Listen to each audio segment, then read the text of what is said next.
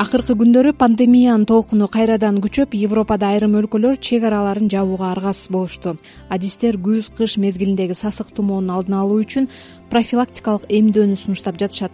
Кимдер кантип кайсы жерден эмделе алат? Зыяны барбы? Алдыда айрым жаңылыктардан кийин кенен айтып беребиз түштүк кореянын окумуштуулары балдар коронавирусту мурун көңдөйүндө үч жумадан ашык алып жүрөрүн аныкташты. Анткени менен алардын көпчүлүгү ооруну жеңил жана таптакыр симптомсуз өткөрүшөт. Бирок жасалган изилдөөдөн соң балдар жана өспүрүмдөр вирусту таркатуучу чоң күч экени билинди коронавирустун симптомдору байкалган токсон бир баланы тажрыйбага алган окумуштуулар алардын мурдунан пчр анализ алышып бир нече жумадан кийин кайрадан текшеришкен. Убакыт өтсө да мурун көңдөйүндө вирус кала бергени билинди мурун жана ооз көңдөйүндө вирус абага тез тарайт. отуз биринчи август күнү женевада дүйнөлүк саламаттык сактоо уюмунун кезектеги басма сөз жыйыны болуп анда уюмдун жетекчиси тедрос гебреюсус ковид он тогуз вирусу тез жана көп тараган өлкөлөр карантиндик чараларды ылдам эле алып коюусун кырсыкка карай түз жол деп эскертти. Ал вируска чалдыккан адамдардын саламаттыгы жети сегиз айда араң калууна келип жатканын айтып биз балдар кадимкидей мектепке барса дейбиз адамдар иштей берсе жакшы болмок. Бирок мунун баары коопсуздук тазалык чаралары колго алынмайынча дале коркунучтуу бойдон кала берет азыр бир да өлкө пандемиядан толук кутулганын айта албайт. Вирус өтө тез тарап жатканы чындык. Өлкөнү көзөмөлсүз тазалык чаралары жок калтырууну туңгуюкка кептеп койгонго барабар десек болот деп вирус тароосу оңой болгон стадиондор түнкү клубдар диний сыйынуучу жайлар киши көп топтолгон жыйындардын азыр токтото туруу керектигин баса белгиледи.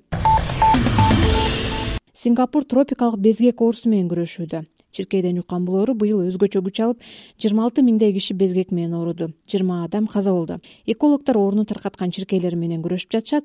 Тропикалык безгек адамга чиркей чакканда жуккан коркунучтуу оорулардын бири болуп саналат венесуэланын президенти николас мадуро орусиянын коронавируска каршы чыгарган вакцинасын сыноо үчүн ыктыярчылар талап кылынып жатканын айтып чыкты. Орусияда чыккан спутник беш вакцинасы клиникалык тажрыйбалардан толук кандуу өтүп бүтө элек венесуэлада бул вакцинаны сыноо үчүн беш жүз ыктыярчы изделип жатат. Орусиядан тышкары куба менен кытайдын ковид он тогузга каршы вакцинасын да бул өлкө өз атуулдарына сынап көрмөкчү урматтуу угарман сергек жашоо түрмөгүн угуп жатасыз студияда бактыгүл чыныбаева. Күз мезгили келип аба ырайы кескин өзгөрүүдө. Сууктан улам дем алуу органдарынын курч сезгенүүсү сасык тумоо сыяктуу оорулар да көбөймөкчү. Коронавирус да тыйылбай жаткан маалда дарыгерлер сасык тумоого каршы эмделүү менен абалды бир аз жеңилдетсе болот деп жатышат. Педиатр анаркан базаркулова быйыл жылдагыга салыштырмалуу сасык тумоонун вакцинасын ошондой эле башка ооруларга каршы эмделүүнү каалагандар көп болуп жатканын билдирди. Прививка десең баары качып эме болчу да. Азыр болсо элдин баары уже түшүндү. Прививка жок болбойт экен азыр деген кайта биздин аркабыздан чыгып качан прививка аласыз? Прививка только грипптен эмес башка прививкаларды делечи жана бир жашка чейинки балдарды тиги албайбыз деп башташпады беле релизоображение анан кошунанын баласы прививка алып ооруп калды. Анан тиги таанышы менен бирөөсү мынтип калды биз деле албайбыз деп эметип атышчу эмеспи беле работа бери тяжелый было а сейчас бизди салыштырып атышат. Кичине аң сезими өсүп кичине эл түшүнүп келатат да. Прививканы өкмөт жөн эле жасап аткан жок. Мына элдердин балдардын келечегин ойлоп ошолорду оорубасын деп аракет кылып атат дегенди элдер эми эми массово түшүнүп калды азыр. Кыргызстандын саламаттык сактоо министрлиги жылына сасык тумоого каршы жүз миңден ашык доза вакцина сатып алат. Алардын көпчүлүгү негизинен тобокел топтогу адамдарга сайылат. Алар медициналык кызматкерлер өнөкөт оорулуу адамдар жана балдар үйлөрү кары картаң үйлөрүнүн тургундары. Пульмонолог дарыгер талант жакыпов коронавирус күчөп турган маалда күзгү кышкы тумоонун алдын алуу менен ооруну басаңдатуу мүмкүн деген ойдо. Грипптин типтери болот а б деп э, бөлүнөт алардын да өзүнчө көптөгөн подтиптери бар. Грипп деген өзү негизи э, бул э, гриппке салынган вакцина бул эми айта албайбыз да коронавирустун немелерине таасир этеби этпейби депчи. Бирок мындай проблема бар болуп калышы мүмкүн да. Күзүндө эгерде ошол эле айтып аткан жанагы экинчи волнасы болуп калса эме баягы болбой эле койсун. Бирок Э, оорураак болот да грипп дагы болсо коронавирус дагы болсо э, э, баардыгы наслоение болуп калат да. Азыр алып грипптин вакцинасын буга чейин алып эле жүргөнбүз. Эч кандай жаман жактарын көргөн жерибиз жок. Наоборот кайра алгандан кийин күнөө особенно доктурлар аябай өздөрүн жакшы сезишип грипптин алдын алганга жакшы болгон да коронавирустун вакцинасын иштеп чыгуу боюнча кытай акш орусия сыяктуу ири державалар ат салышып жатканда кыргызстанга сасык тумоого каршы вакцинанын күзгү дозалары азырынча келе элек фарватер компаниясынын жетекчиси жантүрөз сатыбалдиев бул вакцинаны саткан өлкөлөрдөгү дары заводдору ички талапты аткармайын сыртка экспорт кылуу маселеси чечиле электигин билдирди. Бүт дүйнө жүзү азыр ошолор менен эми алек болуп атат бизде азыр контракт боюнча эле жөнөтүш керек ошону күтөбүз. Анан калгандары кандай болот көрөбүз. Да азыр эми эч жерде жок. Себеп дегенде бүт э, дүйнө баары өздөрүнөн чыгарып атпайбы өздөрүнөн чыгарып атат анан ачса бизге берет ачпаса жок да тартыш болуп калышы мүмкүн. Себеп дегенде бүткүл дүйнө жүзүндө болуп атпайбы? Проблема. Жылына күз айларында кыргызстандагы менчик клиникаларда тумоого каршы беш жүз алты жүз сомдун тегерегинде бир доза вакцина сайылып келген саламаттык сактоо министрлигинин жугуштуу оорулардын алдын алуу жана профилактика департаментинин жугуштуу оорулар боюнча бөлүм башчысы динара отурбаева менчик клиникаларга келип түшкөн вакциналардын сапатын көзөмөлгө алышаарын анын баары дүйнөлүк саламаттык сактоо уюмунун талаптарына ылайык сертификаттар менен келерин айтып тумоого каршы эмделүү боюнча буларга токтолду. Бүгүнкү күндө мынтип айтып атат да өлкөдөгү көп мындай дүйнөдөгү көп адамдарга кызыктар болуп атат да булчу сасык тумоо менен ооруган киши коронавирус менен ошол маалда оорушу мүмкүнбү деп. Ооба кантип болсо ооруп калышы мүмкүн да муну микс инфекция деп коет. Бир адам коронавирус менен да сасык тумоо менен да оорушу ооруп калышы мүмкүн. Анан экөө тең эки вирус тең өткөн жабыркап аткан э, мезгили катталып атпайбы.